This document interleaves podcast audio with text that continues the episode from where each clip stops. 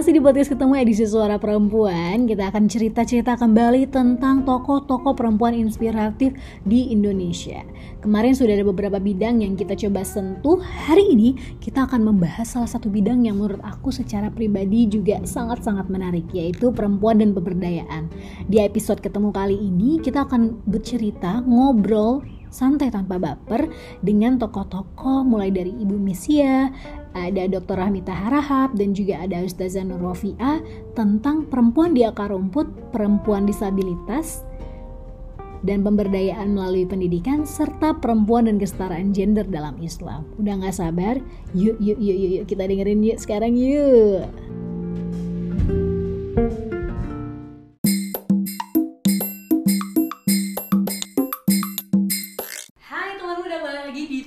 Ketemu bareng Ina Shania dan Nice saja. yang masih bakal ngobrolin tentang hal-hal yang pastinya panas gitu ya menarik tentang isu sosial, politik, dan hukum di Indonesia nah hari ini kita bakal ngebahas tentang salah satu isu yang ini nggak pernah ada habisnya Mas Ais ya sekali. kemarin juga baru diperingati selama 16 hari Hari anti kekerasan terhadap perempuan. Nah, dan juga isu tentang perempuan ini ibaratnya kayak deket banget sama kehidupan kita sehari-hari. Tapi mungkin banyak yang nggak sadar gitu kayak tentang kekerasan, tentang misalnya diskriminasi gender dan lain-lain. Nah, hari ini kita bakal ngobrol dengan salah satu sosok yang pastinya juga nggak kalah luar biasanya dengan isu ini, yang udah sangat ahli di mana-mana, woy. Dan sudah uh, berkecimpung di grassroots. Hmm, dengan sangat lama juga gitu ya. Sudah bersama dengan Mbak Misi. Hai. Direktur Hai. dari Institut Kapal atau Lingkaran Pendidikan Alternatif Perempuan ya Mbak ya. Iya. Apa kabar Mbak Misi? Baik, baik, kabar baik. Sehat sehat ya. Oh sehat, semangat Masih seperti kalian yang masih milenial. Nah, ngobrolin tentang podcast ketemu hari ini ya Mbak Misi. Kita bakal ngebahas tentang kekerasan terhadap perempuan dan pergerakan perempuan di akar rumput nih yang memang aktif banget kapal perempuan mencoba untuk advokasinya. Nah, kalau boleh tahu nih Mbak ya, awalnya ya Mas Ais ya. Ya, awalnya uh, Bang Is ini kenapa bisa sampai sangat concern terhadap Isu isu, ini. isu ini terutama isu mengenai kesetaraan gender, keadilan gender. Ya awalnya tidak langsung tiba-tiba saya Tidak concern. ya. Saya concernnya pada isu-isu yang terkait dengan kemiskinan, penderitaan Oh. masyarakat gitulah, mulai Hmm. dari mahasiswa. Kemudian eh, pasca itu mulai ber apa bertemu dengan teman-teman yang mulai memperkenalkan isu-isu Hmm. perempuan. Salah satunya saya pernah ikut training gender. Jadi Oh. waktu tahun 1994 itu saya ya saya ikut training gender yang mentraining itu Mbak Eva Kusuma Sundari, Hmm. Mansur Fakih yang sudah almarhum itu dan beberapa eh, teman-teman aktivis. Nah, saya baru mengenal itu isu gender itu pada saat itu. Eh, ternyata kita ini punya masalah ya, yang selama ini diam-diam eh, kita anggap sesuatu yang biasa, ternyata itu bagian dari bentuk ketidakadilan ataupun kekerasan. yang itu juga akhirnya bisa mungkin berdampak tadi pada isu yang awalnya Mbak concern ya kemiskinan dan lain-lain itu. Nah kalau saat ini ya Mbak ya Mas Ais ya gimana sih sebenarnya konstelasi isu gender di Indonesia? Apakah tadi ketimpangan tuh masih sangat tinggi, diskriminasi masih sangat tinggi, atau sebenarnya udah cukup membaik sih dari dulu-dulu gitu? Ya kita punya perke- perkembangan yang cukup baik, tapi di sisi lain juga punya ketimpangan yang Hmm. parah gitu. Jadi misalnya ya angka kekerasan terhadap perempuan saja kita tahu satu dari tiga perempuan mengalami eh, kekerasan, baik kekerasan fisik, psikis maupun kekerasan seksual. Nah kemudian juga ketimpangan di dalam hal pendidikan rata-rata lama sekolah anak perempuan berbeda dengan eh, lebih eh, pendek dibanding dengan laki-laki angka kematian ibu juga masih jauh dari target hampir tiga kali dari target tahun 2015 belum tercapai. 305 per eh, 100 ribu itu adalah angka yang sangat tinggi untuk eh, angka kematian ibu. Kita lihat juga perkawinan anak di Indonesia ini peringkat nomor 7 sedunia. Itu bayangkan eh, dalam kurun waktu yang sangat panjang kita sudah punya gender mainstreaming sejak tahun eh, 2000 sudah hampir 20 tahun. Bagaimana sih eh, gender mainstreaming ini terimplementasi? Di satu sisi memang ada perkembangan-perkembangan ya, misalnya sekarang eh, sudah banyak eh, perempuan yang bisa mengakses berbagai eh, kesempatan, berbagai hak-haknya, tetapi di sisi lain diskriminasi tetap terjadi di mana-mana di berbagai lini kehidupan. Hmm, jadi ibaratnya ada progres, tapi sebenarnya masih ada juga keterbatasan yang sangat tinggi gitu ya Hmm. terhadap isu ini. dan kembali yang mbak isi oh, ung- ungkapkan bahwa uh, kekerasan terhadap perempuan itu semakin men- meningkat dan menurut catatan Komnas HAM eh, Komnas Perempuan terbaru Mm-mm. memang trennya meningkat dan itu mungkin bisa uh, menjelaskan lebih detail apa yang sebenarnya terjadi kenapa uh, seperti Kekerasan yang- kekerasan ini uh, semakin meningkat, uh, terus meningkat Mhm. uh, Ada apa sih yang terjadi apa- sebenarnya di masyarakat? Mhm. Jadi em, apa salah satu penyebab utamanya adalah pandangan yang menganggap perempuan itu sebagai objek, objek seksual, Hmm. objek eh, untuk didominasi dan sebagainya. Itu yang namanya eh, pandangan-pandangan yang bias gender gitu.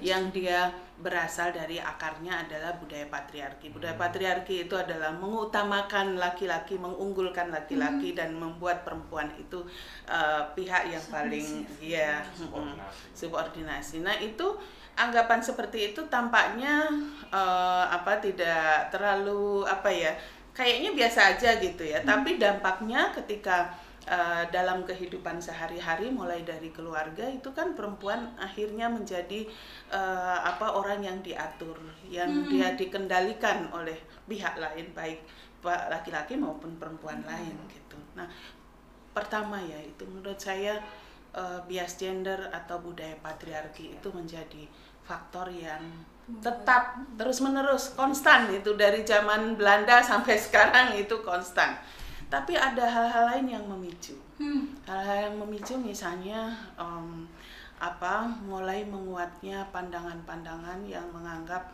eh, apa yang konservatif ya Oh, pandangan yang konservatif. konservatif yang menganggap perempuan itu tidak layak untuk ada di publik Mhm. eh, perempuan tidak layak untuk bisa bernegosiasi semua diatur dengan norma-norma konservatif yang mengurung perempuan itu dalam em, apa norma-norma eh, norma-norma tadi nah itu eh, sekarang kan menggunakan juga eh, cara-cara yang dipercaya orang jadi Mhm. misalnya em, ingat nggak waktu kasus hmm, apa perkosaan Bengkulu Hmm. Perkosaan anak Bengkulu Yeye itu ya Iya, yang yang- mm. Itu kalau kita lihat di medsos itu ya banyak sekali yang justru eh, apa memojokkan keluar korbannya gitu. Rata-rata itu kalau ada kekerasan seksual, kekerasan terhadap perempuan itu yang disalahkan adalah korbannya karena dia dianggap keluar dari norma-norma yang seharusnya dia ada. Misalnya dia keluar dari norma agama, norma adat, Iya. eh, itu yang dipakai sementara masyarakat kita masih sangat eh, percaya pada norma-norma yang mengatur yang itu menjadi tradisi mulai dari kecil gitu. Jadi itu salah satunya. Hal lain adalah hmm, apa maraknya digital ini ya. Hmm, Di satu sisi, di satu sisi teknologi ini sangat eh, ampuh untuk melakukan penyadaran, Mhm. untuk membuat informasi, untuk kemajuan.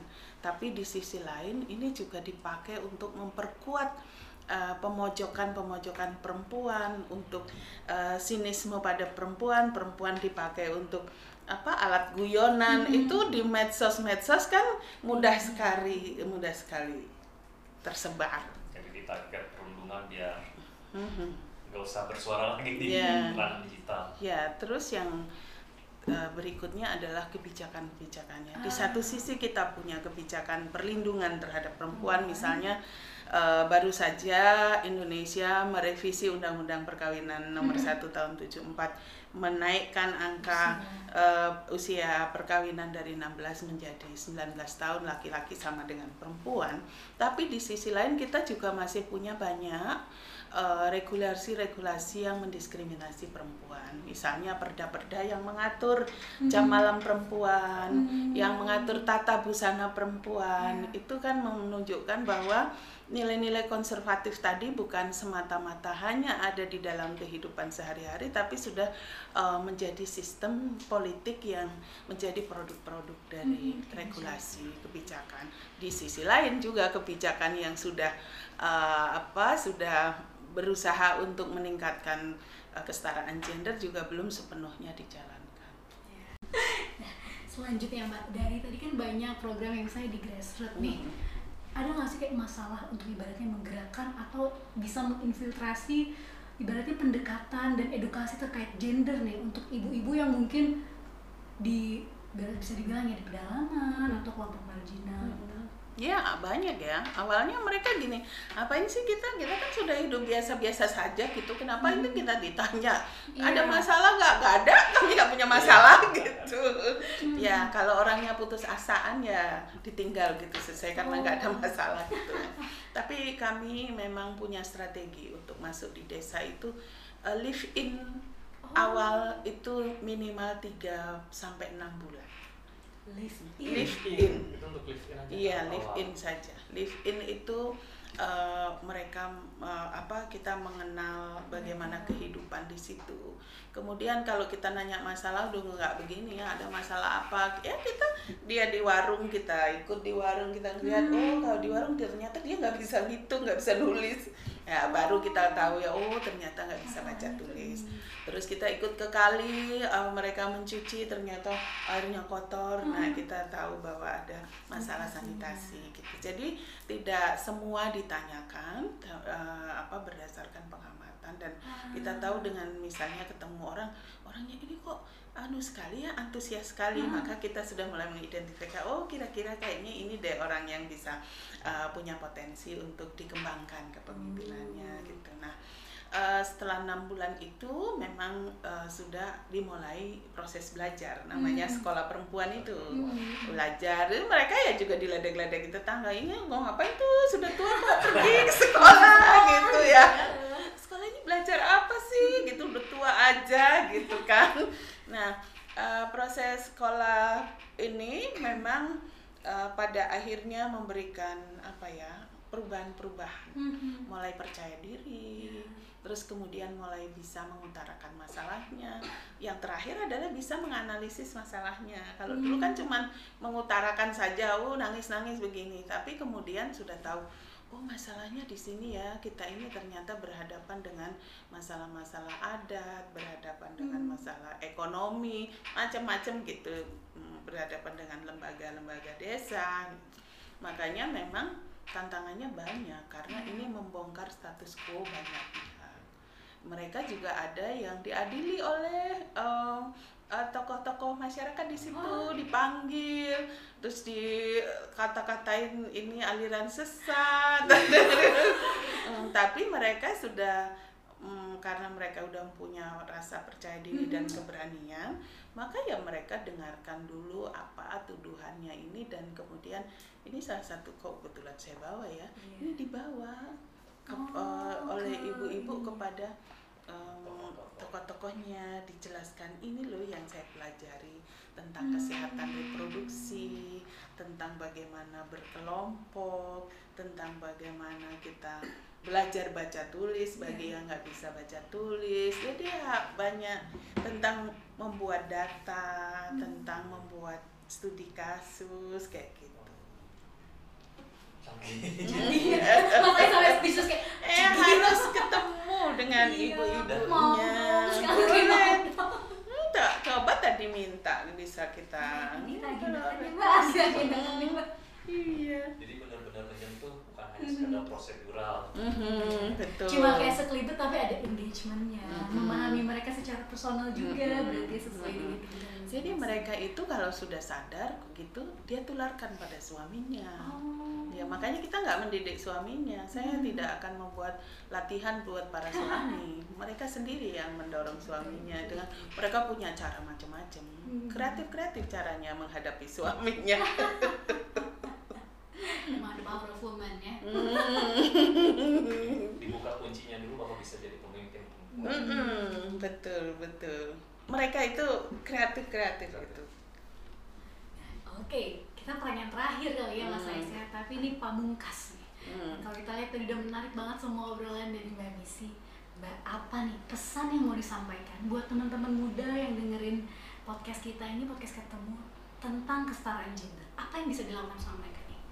Ya kalau uh, teman-teman muda itu banyak yang bisa dilakukan Banyak. ya. Tapi yang pertama adalah tanamkan bahwa kesadaran itu terlebih dahulu. Jadi kita Hmm. membangun kesadaran kritis terhadap kehidupan kita sendiri dan itu uh, membutuhkan keberanian karena kesadaran kritis itu mengaduk-aduk perasaan dan hati kita yang biasanya kita percaya bahwa kita ini di belakang saja kemudian kita harus di depan itu juga membutuhkan keberanian.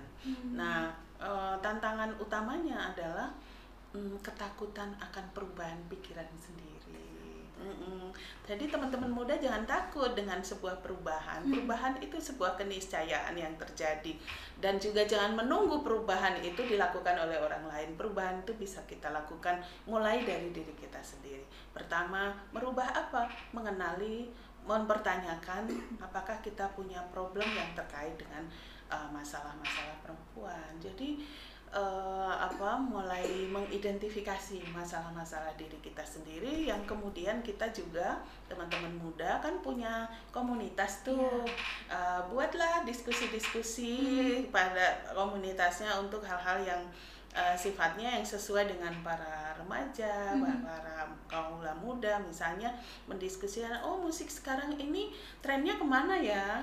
Eh, isu perempuan ada nggak ya di dalam eh, musik saat ini? Kemudian film film apa ya yang sangat te- menarik ya? Oh film itu bagaimana memposisikan perempuan? Jadi em, apa media-media yang sehari-hari dihadapi itu eh, bisa dipakai terus yang terakhir eh, ini ya yang penting lagi adalah menyebarluaskan sekecil apa pun kesadaran kita tentang Mhm. keadilan gender melalui media-media sosial masing-masing IG lah apa saja Twitter itu ya. buatlah pesan daripada kita sekedar memforward uh, Hmm. hoax-hoax maka uh, teman-teman muda ini create lah semua ide-ide dan uh, pengetahuan maupun uh, proses penya- uh, maupun ini ya uh, penyadaran kepada orang lain Hmm. mulailah peduli pada diri sendiri tentang ketidakadilan gender kemudian peduli kepada orang lain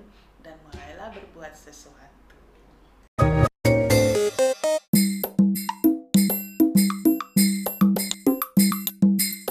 Hai teman muda, balik lagi di podcast Ketemu bareng Indonesia Nia dan Ais saja.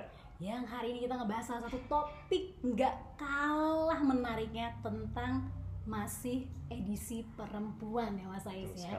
Kalau kemarin kita ngebahas tentang sesuatu yang kayaknya hmm, ada di lingkungan kita, tapi nggak terlalu mungkin kadang orang ngomonginnya nggak terlalu berani gitu ya. Kalau ini agak rame juga nih pembicaraannya saat ini ya, kayak mulai naik gitu. Ah. Nah, kita bakal ngomongin tentang keadilan gender dalam perspektif Islam. Sekarang kita sudah bersama dengan Ibu Dr. Nur Rofia. Waduh, ini Ibu Nur Rofia udah aktif banget pokoknya menyuarakan sebagai cendekiawan muslim, ustazah juga ya, yang juga aktif untuk menyuarakan tentang keadilan gender dalam Islam. Nah, gimana Mas Ais? Eh, kita langsung ke pokok pertanyaan. Mhm. Oke, Eh, apa yang dimaksud dengan keadilan atau kesetaraan gender? Gender sebenarnya. sebetulnya sama dengan keadilan di aspek lain ya. Hanya Mhm. saja keadilan gender itu artinya adalah memperlakukan laki-laki dan perempuan secara sosial adil gitu. Adil. Maka eh, apa yang menjadi standar keadilan secara umum itu juga mestinya diberlakukan pada laki-laki dan perempuan secara sosial, tidak dikecualikan. Tidak gitu. ada pengecualian Betul. ya. Jadi keadilan gender itu adalah bagian dari keadilan kemanusiaan. Sebab laki-laki dan perempuan itu kan juga bagian dari manusia, sama-sama manusia dipandang sebagai subjek penuh sistem Mhm. kehidupan, kira-kira begitu. Hmm. Meskipun nanti ya dalam kata keadilan itu mensyaratkan kedudukan yang setara. Kedudukan yang setara. Makanya ada kesetaraan gender. Mm-mm. Itu artinya adalah laki-laki dan perempuan itu sama-sama sebagai subjek kehidupan. Tidak yang satu subjek, satunya objek, Objek. itu tidak setara. Nah, kesetaraan gender mendudukkan laki-laki dan perempuan secara setara sebagai sama-sama manusia, sebagai sama-sama umat agama, sebagai sama-sama mungkin orang tua, mungkin uh, pasangan suami suami istri itu punya kedudukan yang sama. Dan kalau di dalam Islam itu dua-duanya punya uh, status melekat sebagai hmm. hanya hamba Allah. Hmm. Artinya laki-laki dan perempuan tidak boleh membangun relasi penghambaan. Penghambaan. Perempuan ya. bukan hamba laki-laki, laki-laki bukan hamba, hamba perempuan. perempuan. Mengapa? Karena dua-duanya hanya hamba Allah. Di samping itu, laki-laki dan perempuan di dalam Islam sebagai manusia juga punya amanah melekat. Mm-hmm. Amanah melekat itu artinya dia ada sejak lahir sampai nanti mati. Hmm. Sebagai apa? Sebagai khalifah fil yang punya mandat, punya amanah untuk mewujudkan kemaslahatan seluas-luasnya di muka bumi hmm. bagi makhluk Allah gitu. Maka laki-laki dan perempuan itu setara sebagai subjek penuh kehidupan yang sama-sama wajib bekerja sama ikhtiar untuk mewujudkan kemaslahatan sekaligus menikmatinya. Hmm. Nah, gitu kira-kira. Dia harus sama-sama berjuang gitu ya Berjuang dan menikmati. Hmm. Tidak yang satu berjuang, yang satu menikmati. menikmati saja. Ya, itu namanya nggak adil. Tidak adil. Kalau berbicara tentang kesetaraan gender, tadi mungkin udah sedikit disinggung oleh Bu Nur juga. Seperti apa sih sebenarnya Islam memandangnya? Karena kan banyak juga nih Bu berkembang kayak stereotip alah kalau di agama mah laki-laki tuh yang kerja misalnya hmm. perempuan tuh yang cuma di rumah oh, menikmati aja tadi Uh, sebetulnya Islam juga hadir kan tidak di ruang hampa ya mm-hmm. artinya dia datang ke sebuah masyarakat yang sudah punya tatanan nilai nah di abad 7 Islam itu kan mm-hmm. uh, hadir ke dunia dibawa oleh Rasulullah tahun 611 sampai 634 Masehi artinya abad 7 tuh. Nah, di abad itu tidak hanya di Jazirah Arabia ya, tapi hampir di seluruh dunia. Itu memang ada satu uh, persoalan yang mirip di mana uh, perempuan itu belum dipandang sebagai manusia. Hmm. Jadi umum sekali tidak hanya di Arab hmm. sekali lagi bahwa laki-laki itu uh, memiliki perempuan seumur hidupnya. Jadi gini, kalau belum menikah perempuan itu dipandang sebagai milik dan di bawah kekuasaan mutlak ayahnya. Oh. Nanti kita akan melihat uh, satu perundang-undangan di Persia ya, yang mengatakan bahwa ayah itu boleh menjual anak perempuannya gitu. Nah nanti setelah menikah uh, kepemilikan dan kekuasaan mutlak ini pindah, pindah. dari ayah ke suami. suaminya maka nanti juga akan ada satu pandangan bahwa suami itu pemilik mutlak hmm. dari eh, istri sehingga hmm. istri itu seperti harta dia itu bahkan diwariskan gitu bahkan di uh, ya di di satu ini menurut informasi yang ada di sebuah buku ya mengatakan bahwa uh, dibolehkan juga suami itu menjual istri. Waduh dan budak gitu ya kayak budak. Memang kepemilikan mutlak itu oh, kan perbudakan perbudakan jadi orang memperistri orang lain itu seperti beli lalu menguasainya secara hmm. mutlak. Dan sejarah kehadiran Islam itu diwarnai dengan tradisi seperti ini. Misalnya perempuan dikuburkan hidup-hidup begitu lahir mm -hmm. kan kita pernah dengar dan itu direkam dalam Al-Quran kemudian tidak hanya itu ya sebetulnya secara mental juga mereka masih mempertanyakan perempuan ini manusia atau bukan? Gitu. Hmm. perempuan ini punya ruh kan ya punya ya, jiwa. betul. tapi dipertanyakan apakah ruhnya itu kekal seperti laki-laki sehingga nanti akan dimintai pertanggungjawaban atas amal perbuatannya atau seperti hewan. Begitu mati sudah mati. sudah, nyawanya tidak ada juga itu ruhnya Nah, uh, juga di kalangan agamawan itu ada pertanyaan-pertanyaan, misalnya apakah perempuan itu uh, bisa beribadah atau tidak? Mm-hmm. Kalau berbuat baik, bisa nggak dia dapat pahala? Perempuan itu bisa nggak masuk surga? Coba dibayangkan ya, jadi ada pertanyaan-pertanyaan yang belum selesai yeah. ketika Islam hadir sehingga eh, perempuan itu secara umum sekali lagi tidak hanya di Arab Hmm. tapi ini juga terjadi di Jazirah Arabia ma- perempuan itu belum dipandang sebagai manusia karenanya dianggap wajar diperlakukan secara tidak manusia kayak tadi itu Hmm. penguburan kemudian dipoligami dalam Iya. jumlah tak terbatas kemudian di- dipaksa nikah sebelum menstruasi yang pertama diceraikan berkali-kali. Diwariskan. Diwariskan atau dijadikan jaminan hutang. Kemudian di apa dihadiahkan. Itu sesuatu yang biasa. Jadi poinnya adalah perempuan itu dianggap seperti benda gitu. Karena kadang benda mati dianggapnya ya sehingga bahagianya tidak penting sakitnya tidak penting. Bahkan mungkin menjerit-jerit kesakitan itu juga Iya. dipandang sebagai sesuatu yang tidak penting ya gitu udah gitu ya, ya, ya, ya kayak kita mungkin motong ayam atau motong sapi sapinya teriak kita nggak peduli. Ya nggak peduli. Nah itulah eh, cara memperlakukan perempuan ketika itu. Nah menariknya adalah Islam kemudian dalam 23 tahun tadi itu mengubah total. Hmm. Mulai dari status kedudukan nilai dan peran perempuan sebagai manusia Hmm. dan itu eh, sebenarnya 23 tahun kan waktu yang sangat singkat ya Iya. untuk mengubah sebuah kesadaran maka kita bisa melihat eh, tantangan perubahan itu begitu besar dan Al-Quran Islam misalnya tidak selalu ambil strategi langsung ke target final bahwa perempuan dan laki-laki itu adalah subjek penuh kehidupan kadang melalui target antara dulu gitu. oh Nah, ini bertahap gitu bertahap. ya Jadi ada yang bertahap, ada yang sampai target final selama 2-3 tahun itu. Saya perempuan nggak boleh dikubur hidup-hidup lagi bayi, misalnya itu kan target final Final. langsung. Kemudian perempuan tidak boleh diperjualbelikan, tidak boleh diwariskan, itu target final. Tapi nanti kita akan melihat ada yang melalui target antara. Mhm. Misalnya tadi ya ada eh, laki-laki boleh awalnya nih menikahi perempuan dalam jumlah tak terbatas terbatas. tanpa syarat adil.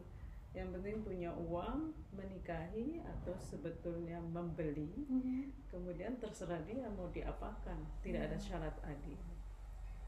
Lalu Islam selama 23 tahun itu me- mentolerir ya, mentolerir maksimal 4 Mhm. dengan syarat adil dan diingatkan bahwa adil itu sesuatu yang sulit. Iya. Tapi tidak berhenti di sini karena Al-Qur'an juga memerintahkan laki-laki untuk monogami. Mhm. Maka kita bisa melihat pergerakan revolusioner ini dan memandang bahwa monogami yang adil itu adalah cita-cita tertinggi Islam. Gitu. Ini memang eh, perlu melihat eh, proses lalu Panjang kita ya. panjang sekali dan kita sebetulnya melihat gerakan yang sangat revolusioner sekali. Hanya nanti eh, potret utuh seperti ini kan tergantung kita cara melihatnya. Apakah akan melihat target antara sebagai target final Betul. ataukah eh, yang tadi. hanya Hmm. target antara menuju target final sehingga ketika masyarakat itu sudah sampai pada kesadaran di mana eh, monogami yang adil itu adalah cita-cita tertinggi ya jangan didorong Iya. ya Balik lagi Ah, gitu gitu ya. maksudnya Oh. jadi itu soal metode sudah tapi Mhm. bahwa kalau lihat gambar utuhnya kita kan bisa melihat eh, pergerakan yang sangat revolusioner Iya, sekali iya, iya. makanya ada Islam 23 tahun tadi ada pemahaman atas Islam. Oh. gitu. Nanti Islam dari Tuhan yang maha adil pasti adil buat perempuan. Pasti itu saya sama sekali tidak meragukan. Mhm. sebagai firman dat yang maha adil pasti adil. Cuma firman Allah yang maha adil ini kan difahami oleh manusia. Iya, betul. sedangkan tidak satupun manusia itu maha adil maka kadang-kadang pemahaman atas Islam itu adil kadang-kadang sebaliknya. Mhm. nah di sinilah kita perlu ikhtiar untuk membangun eh, keadilan gender Islam itu. Bagaimana memahami Islam dengan spirit keadilan gender atau adil bagi laki-laki dan perempuan gimana caranya dengan memandang proses itu sebagai Hmm. eh, sesuatu yang harus kita lanjutkan gitu bukan untuk kembali lagi Eh, gitu bukan ya. untuk kembali lagi bukan- juga, juga bukan untuk meneguhkan ah, iya. tradisi yang tidak adil tetapi justru menjadi eh, apa ya menjadi spirit menjadi semangat Motivasi motivasi amunisi untuk mewujudkan kehidupan yang adil atas dasar Islam itu kira-kira Kalau sekarang sendiri bener, apakah di Indonesia sendiri ibu sudah melihat nih kayaknya kondisinya nih udah setara lah gender menurut perspektif Islam di Indonesia atau masih perlu banyak yang diimprove? Sebenarnya eh, proses ya. Mm-mm. Eh, semua itu proses. Saya meyakini bahwa kehidupan eh, yang adil 100% itu hanya di surga gitu. kalau selama Jauh ya ini berarti Oh, kita. artinya kita perlu realistis juga Betul. kan nyatanya eh, Rasul terakhir sudah selesai diturunkan toh ketidakadilan masih ada di mana-mana Iya. tidak hanya ketidakadilan gender kan Betul. keadilan di berbagai seni kehidupan. Apa artinya? Artinya para rasul memang eh, datang bukan untuk menghapuskan sehingga sampai nol ketidakadilan itu, Hmm. tapi memberi teladan bagaimana teguh berada di jalan eh, keadilan itu, apa pun resikonya kira-kira begitu. Iya. Teguh eh, dan itu berat loh ya mengambil jalan adil itu. Iya. Resikonya besar sekali karena kita akan berhadapan dengan para. Hmm, ya para eh, pemilik kekuasaan Betul. Status polis. quo. nah betul yang diuntungkan oleh status quo yang tidak adil nah, maka kita perlu memang kadang eh, mengukur diri ya eh, sekuat apa kita bisa bertahan tetapi bahwa para rasul telah meneladankan Mhm. untuk bisa eh, Ini bertahan. Hmm, gitu ya. artinya kita nggak sendiri Iya. dan eh, kita kalau mau meneladani ya memang memang harus tadi itu punya mental yang kuat. Kuat. Uh, dan bagaimana ini keadaannya uh, dengan di Indonesia uh, keadilan gender uh, dengan Islam Ya, kalau saya secara umum melihat Indonesia itu sebetulnya lebih siap ya, Lebih siap. lebih siap untuk laki-laki dan perempuan sebagai subjek penuh kehidupan baik dalam keluarga, masyarakat maupun negara. Mengapa? Karena eh, Indonesia itu di Indonesia Mhm. orang itu sangat bisa bergaul secara wajar laki-laki dan perempuan. Ah. Sangat wajar. Mas Ais ya duduk di sebelah saya Mm-mm. ada Mbak Nina laki-laki perempuan itu kan biasa banget bergaul secara atau bergaul sebagai makhluk kalau saya menyebutnya manusia itu kan di samping makhluk fisik juga makhluk intelektual dan spiritual Mhm. maka kalau eh, kita bergaul dengan lawan jenis sebagai makhluk intelektual maka pergaulan akan makin mencerdaskan Ah. atau sebagai makhluk spiritual Mhm. pergaulan itu akan menajamkan spiritualitas kita, kedekatan kita dengan Tuhan. Tapi kalau kita hanya bergaul eh, sebagai makhluk fisik, apalagi makhluk fisiknya itu hanya makhluk seksual, Mhm. maka pergaulan itu menjadi tidak lebih dari sebagai pejantan dan betina. Ah. Maka kalau kita melihat lawan jenis lalu melihatnya sebagai makhluk seksual, Mhm. ya tidak akan makin cerdas kira-kira tidak juga akan makin eh, spiritualitasnya makin Meningkat. aja malah turun gitu karena apa karena kita sendiri eh, sebenarnya kalau melihat eh, lawan jenis sebagai objek seksual ya itu kan kayak eh, menurunkan da- dari posisi manusia itu sebagai makhluk fisik, intelektual dan spiritual lalu turun sebagai makhluk fisik lalu sebagai makhluk seksual. Apalagi kalau melihat lawan jenis sebagai objek turun lagi turun lagi. sebagai objek seksual. Dan Mhm. itu menurunkan jati diri manusia menurut saya. Makanya di dalam Islam eh, itu kalau lihat lawan jenis itu kan kita diminta untuk wabul basor Hmm. wabul basor itu bukan wabul uyun ya. Kalau wabul uyun adalah mengendalikan mata fisik. Anda matanya lihat ke bawah ketika lihat lawan jenis. Iya. itu wabul uyun.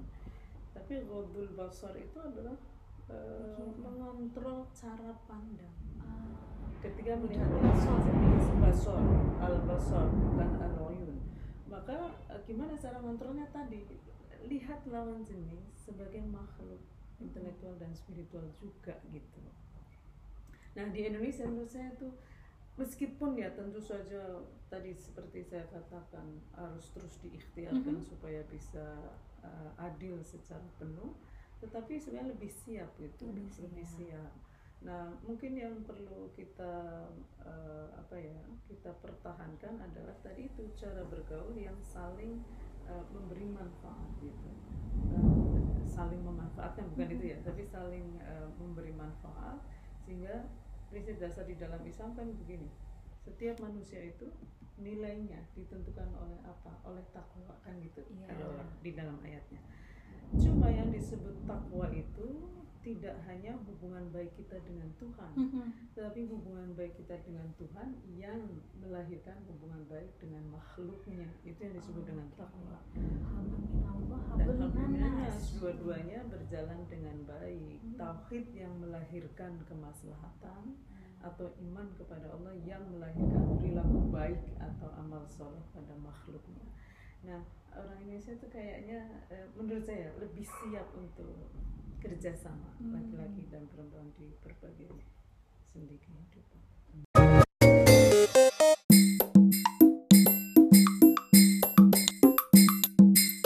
Nah kita hari ini bakal ngobrol bersama Ibu Dr. Rahmita Maun Harahap, STMSN, yang merupakan dosen interior dari Universitas Mercu Buana dan juga ketua sekaligus founder dari Yayasan Tunarungu Sehijrah. Aduh, Ibu selamat pagi. Selamat pagi, Ibu. Terima kasih atas waktunya sudah mau ngobrol sama aku dan Krisna hari ini. Jadi kita hari ini bakal ngebahas tentang peran pember- peran perempuan dan pemberdayaan pendidikan disabilitas ya Krisna Iya. ya. Oke, lanjut. Lanjut, Cus, lanjut, cus. Ah, ibu ini kan ah, sebagai dosen ibu, kenapa ibu juga punya perhatian khusus di bidang pendidikan disabilitas? Kira-kira apa sih yang masih kurang dari pendidikan disabilitas ibu di Indonesia? Eh, apa Madinah pemberdayaan Pemberdayaan, Iya, pemberdayaan, Pemberdayaan ya, betul, Ibu. melalui pendidikan Iya.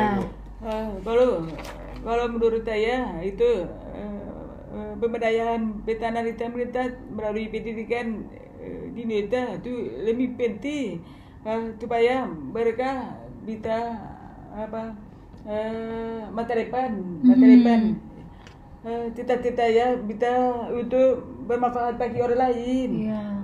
Tadi drama ini eh, apa namanya di eh, be- be- be- pemberdayaan pendidikan itu semacam eh, petana penghapusan persyaratan Hmm, persyaratan. warna Oh iya, Eh, jadi itu turutan tidak boleh ambil turutan matematika Hmm, ya hmm, seperti itu Nah, padahal mereka di di tanah tunanetra, tunaruku, Hmm. tunadata itu punya hak untuk memilih turutan. Iya.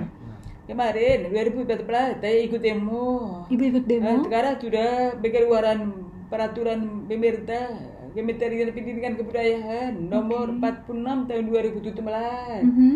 Ah, tentang ah, pelayanan pendidikan khusus dan ah, layanan khusus untuk di perguruan tinggi. Oke. Yang kedua, ah, aktivitas ruang fisik di perguruan Oh. tinggi untuk petana disabilitas. Mhm. Apakah sudah memenuhi standar? Ah, aktivitas atau universitas lain atau belum? Iya. Ah, kenapa? Supaya mereka bisa uh, menikmati eh, eh, menikmati untuk aktivitas Iya. belajar dan mengajar. Hatal kampus ini harus ramah Mhm. atau ada tibel. Tapi kalau eh, drama ini perguruan tinggi, tapi tidak semua mampunan Mhm. ada beberapa elemen-elemen sesuai perguna kursi roda. Iya. Ada juga tunanetra. Mhm. Tapi kalau itu tunarungu, mereka berpikir bahwa tunarungu sama beradaptasi dengan orang normal. Oh, iya, Tapi kalau iya. menurut saya beda. Tetap beda ya. Selama ya? ini eh, untuk aktivitas tunarungu dalam kategori auditisme. Auditisme itu diskriminasi terhadap tunarungu Hmm. Oh. karena eh, pemerintah atau masyarakat pikir bahwa uh, tunarungu itu uh, harus beradam beradaptasi dengan preferensi dengan orang normal Iya, di iya. sana sebagai mahasiswa tunarungu kita butuh inter interpreter Iya. tapi uh, pengelola kampus bilang menyediakan. kamu gak perlu pakai interpreter kamu harus lihat bibir Hmm. itu melanggar auditor Diskriminasi ya, Bu, melanggar ya. walaupun ber- uh, berlaku tunarungu itu sangat berbeda ada yang pakai alat bantu. Betul, betul. ada yang tidak pakai alat bantu Mhm. kuliah kuliah impren tapi lebih mengandalkan indera penglihatan Oh. tidak mempengaruhi berapa desibel tidak Mhm. ada mempengaruhi kalau di tanah orang bisa telepon Iya. tapi kita dekat berapa desibel tapi kalau untuk fisik ruangan tambah ada Iya, iya. kalau mendengar tidak sebuah tentu ruangan kita mau praktikum Mhm. harus ada nindi. Digunakan material akustik Oh, biar nggak menggema, akustik sebab orang pakai alat batu deker Mhm. apabila tidak menggunakan akustik nanti suara luar ikut maju. Oh. tadi nggak bisa konsentrasi kedap suara belajar ya. Iya, iya, iya. Iya, iya. itu. Tadi apa pun pihak-pihak perguruan tinggi tahu bahwa tunarungu oh pakai alat tadi aku bisa pakai akustik tidak tidak Mhm. Boleh, boleh Bu, ya. tak harus menghargai pakai atau tidak pakai tetem Hmm. akustik itu sebuah orang bisa sama Iya. contoh ada bikin eh, belum ada tadi suara napiti Iya. gimana caranya Eh, harus Jadi pakai harus- akustik supaya kita nyaman Betul, betul, kita betul. konsentrasi belajar ya Demi masa itu. depan tadi ya, Bu, iya ya. terus ya ketika penerimaan calon mahasiswa harus nyambi 10% dari populasi jumlah penduduk bertanda integritas Oh, bukan kamu pinter pilih-pilih pilih-pilih Oh. bukan kamu minta komo pilih-pilih tidak boleh Tidak boleh. contoh pekerjaan kuota 2 persen Iya, 2%. ya Iya, kalau itu Kuliah, lebih tinggi. 10 persen di atas sebetulnya eh, di Tamilitas itu intelijensia tambah seperti kalian coba memiliki ambatan ambatan fisik makunan nah tidak hati Iya. Ah, untuk pengguna kursi roda karena ada tangga tidak ada rem. Mm-mm. Kalau tunanetra ah, apa buku Eh, pelataran dan tidak ada Tidak ada. Boleh. Kalau untuk tunarku wah, tata letak perintur harus usep. Yuk. Oh. Kenapa? Supaya kita bisa interaksi dosen Iya, yang iya, bibir. Kalau tidak PTU nanti bari biasa. Kadang-kadang dosen putar bari. Tadi tunarku ikut belakang. Putar. Oh, capek ya, Bu, ya, Capek. jadinya. Betul, betul. Eh, Trade, lepas. Nggak Ada inget lagi nih apa-apa materinya. drop out. Oh. Nah, mungkin dosen eh, atau mahasiswa berasa tunarku itu harus sama orang lain. berpandangan. Sekarang, sekarang saya sudah sudah sosialisasi sebuah lembaga, Mhm. lembaga organisasi supaya untuk ikut turun lapangan, Iya. sosialisasi, advokasi. Eh, bagaimana Undang-Undang 8 tahun 2016? Mhm. Bukan, bukan tata untuk pengguna kursi roda, untuk Iya. tunanetra, tapi untuk tunarungu juga. Mhm. Ya tanah kalau di tempat lain berasa tunarungu enak, bisa jalan, bisa enak, tapi beda. Masih ada Contoh, yang. Kebutuhan pengguna kursi roda, aku butuh ini. Kebutuhan tunanetra, aku butuh ini. Kebutuhan tunarungu, aku butuh ini. Bertanda lebar, kalkulasi harus 2,4 supaya ukuran kursi roda bisa putar. Oh, betul. Kalau tunanetra pakai tongkat, Iya. supaya bisa. ah. Kalau tunarungu interaksi itu komunikasi itu ada. Iya. Supaya tidak bertabrakan ada Iya, berlawanan. betul, betul, betul, Bu. Dari pengertiannya berbeda, Mm-mm. kebutuhan sama, pengertian berbeda. Saya udah udah sampaikan kepada pemerintah PUPR. Oh. Itu tuh PUPR akan eh, berpatu untuk membuat eh, kebijakan pedoman. Pedoman. Ah, pedoman dah udah ada nomor 14 PRT atau M tahun 2017 Mhm. mungkin eh, gambaran-gambaran untuk tu- eh, aksesibilitas ruang eh, publik untuk tunarungu akan ditampung. Yeay, Tapi ada dua. Apa Satu, itu, pedoman di lama apa mau diperbarui Oke. supaya akses ruang untuk tunarungu mau ditampung. Mhm. Satu, ada beberapa peserta tunarungu Mhm. tidak mau digabung, Oh, mau terpisah. sendiri, Bu. Mereka khawatir nanti Mhm. peserta lihat oh tunarungu ke penti khususnya berkuda kursi roda. Oh. Ya, seperti itu. dua pemahaman Mhm. pemahaman dari masyarakat eh mengetahui perilaku tunarungu seperti apa? Mhm. oh kamu kita homo kamu tuh seperti orang normal. Iya, iya, tapi iya. beda. karakternya Mhm. beda. Dan tadi kebutuhan tadi tadi mungkin kita mau tamaan tambah Mhm. pengetahuan. Pengetahuan tentang karakter perilaku. Tadi kaki empat untuk tadi tes itu perlu ditambahkan waktu. Contoh Oh. kalau mahasiswa mau tes. Di tanah orang normal 90 menit kalau untuk tunarungu tunanetra tunadata butuh ta- 45 menit dari lima 75 menit misalnya Hmm. kenapa kalau tunanetra dipacu penamping Iya. tanah tawam Iya. kemarin saya tes UI Oh, eh, iya, Bu. UI ambil dokter dua, dua kali Heeh. kakak saya udah Oh. minta tolong sama pe- petugas saya butuh waktu nggak boleh kamu seperti normal terlalu tepat bahas sebagai orang tunarungu itu dia kita belum tentu tepat belum tentu. Pelan tamat seperti orang tunanetra berguna kursi roda. Iya, kita nanti peralpati lambat. Apa ini apa ini? Iya, iya, ya iya. itu itu melanggar. Hmm, ya tadi put, tadi butuh tambahan waktu ya supaya pelatih apa tentara Hmm. nama ya kelima tumitiri tumitiri Cuci. untuk P bahasa isyarat. Oh, Sekarang iya. bahasa isyarat ya ya. Selama ini pemerintah belum belum bertatumkan. Bahwa honor untuk uh, bahasa isyarat Penerjemah. belum itu melanggar ya. Eh, laporan hitam eh laporan merah. Ya harusnya pemerintah sudah membuat bahwa odor betama isyarat untuk beberapa perguruan tinggi buat pendampingan khusus untuk mahasiswa tunarungu. Hmm. selama ini saya pribadi kalau kuliah ITB saya pakai biaya pribadi. Oh my god. Iya, pakai biaya pribadi. Saya sudah mengaturkan. Walaupun eh, apa pengelola perguruan tinggi tahu bahwa saya pakai mahasiswa itu harus buat negara, tapi Iya, iya. ini tidak. Tidak Iya, dilakukan ya. kalau Bu, ya. ini Betuana ada mahasiswa butuh interpreter, tapi ini nggak ada, nggak ada. Dia harusnya harus kreatif, inovasi. Iya. Bagaimana ini? Kita harus peduli. Iya, Begini, betul. begini.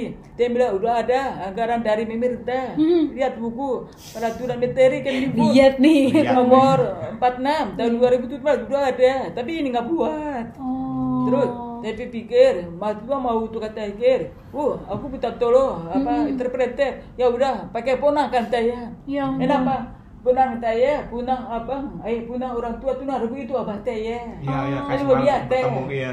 Ah, tapi tetap bayar, Tetep tetep bayar. 150, nggak sampai 500. Mm-mm. Tadi ponakan ikhlas, sosial, nggak apa-apa. Iya, 150 potong ongkos. Mm-mm. Ya, tadi kemarin-kemarin ah, saya punya beratat ponakan ada dua, udah satu tahun, tidak terima universitas lain. Hmm. Tan, tadi Stan. saya coba itu bu, ibu kepala marketing bersuara. Bu, aku punya ponakan. Dia pernah berprestasi, bertanda lomba-lomba video. Mhm. Oh, boleh-boleh. Oh iya, minta. Aku eh, li- dapat informasi dari rektor. Sebaiknya dari akomodasi lah ya, semacam interpreter. Oke. Supaya orientasi namanya ya. Hmm. Kalau pertemuan orientasi nggak ada. Hmm. Interpreter pendampingan khusus nggak ada. Ada. Buka purkan unit layanan template nggak ada. Dari Oh. turun lagi 59. Wah. Nah itu terlambat. Oh. Coba bayangan kalau ada ini, ada ini, ada Iya. ini.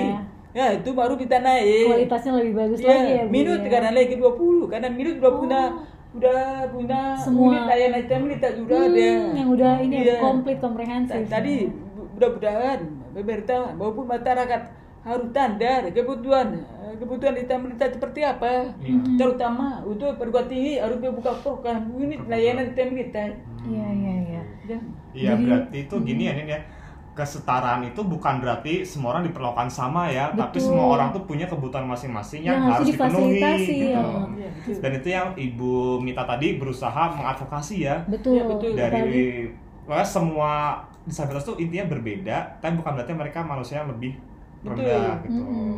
Dan Iya. tadi misalnya dari segi pendidikan banyak juga yang perlu di ini ya difokuskan ibu sendiri mengadvokasi karena ya itu masa depan ibaratnya ibu ya. Semoga nanti bisa lebih aware lagi ya di sini. Nah selanjutnya ibu yang menarik juga kan ibu adalah founder dan juga ketua yayasan Tunarungu Sehijrah. Tadi udah dikasih ini juga hit juga nih. Dulu inget Raisa Tati ya bu ya. Terus ada Mbak Angki juga, itu semua anak-anak ibu di sana gitu. Boleh diceritakan bu sebenarnya kegiatannya apa sih kalau di yayasan sendiri? Apa saja yang dilakukan di yayasan Nah, waktu itu saya eh, sebelum mendirikan yayasan Tunarungu Sehijrah Mm-mm. eh saya eh, kuliah S1 arsitektur di Oh. Universitas Betuana. Alhamdulillah saya mendapat cum laude ambil S2 di ITB.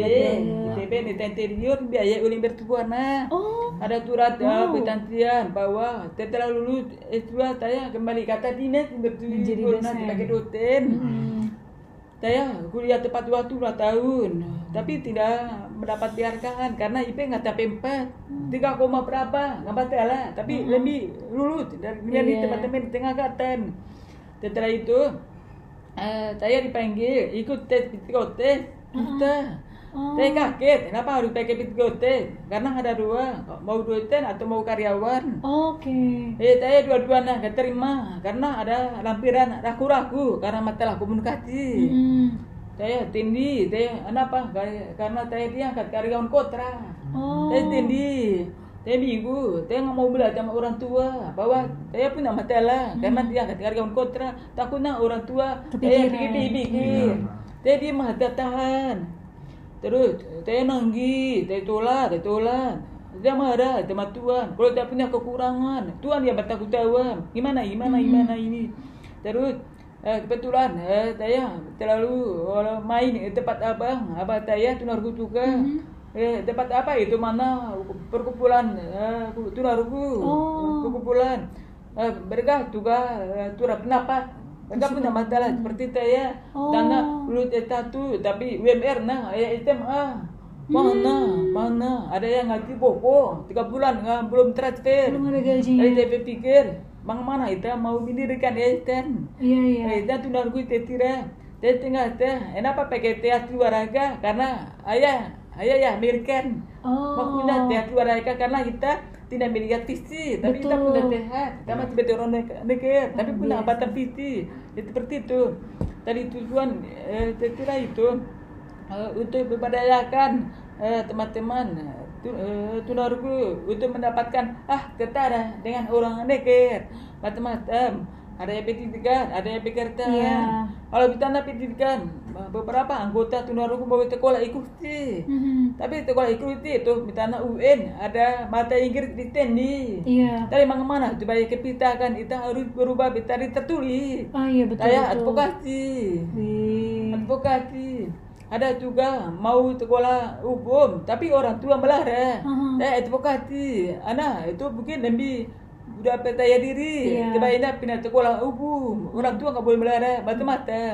Hmm. Terus ada juga kalau sudah lulus SMA atau lulus S1 saya menyalurkan tenaga kerja di perusahaan perusahaan sebelumnya saya kira itu punya program eh, latihan apa psikotes Oke. psikotes di sana supaya eh, anggota kita adaptasi nanti Hmm. eh, dapat menerima perusahaan harus tes ternyata ada beberapa tunarungu buta buta acara. Oh. ngerti ngerti? Iya. ada ya mengerti. Bisa pembatas ada ya tidak bi- tidak bisa pembatas tadi saya tidak bisa menyalurkan tenaga kerja saya takut bisa lain ya. nah itu seperti ini. Terus yang ketiga saya punya program untuk pelatihan kemandirian. Oh. remaja tunarungu saya mengguna anak-anak tunarungu tingkat sekolah. Mhm. tujuan ini untuk menumpukan konsep diri positif. Supaya anak tunarungu melihat orang normal. Kita bisa sama. Kita nggak usah pikir negatif orang normal hebat dan nggak bisa. Gitu seperti itu. Oke. alhamdulillah beberapa eh, pelat- eh, peserta dari hasil pelatihan. Sudah pindah sekolah umum daripada sekolah luar biasa. Iya.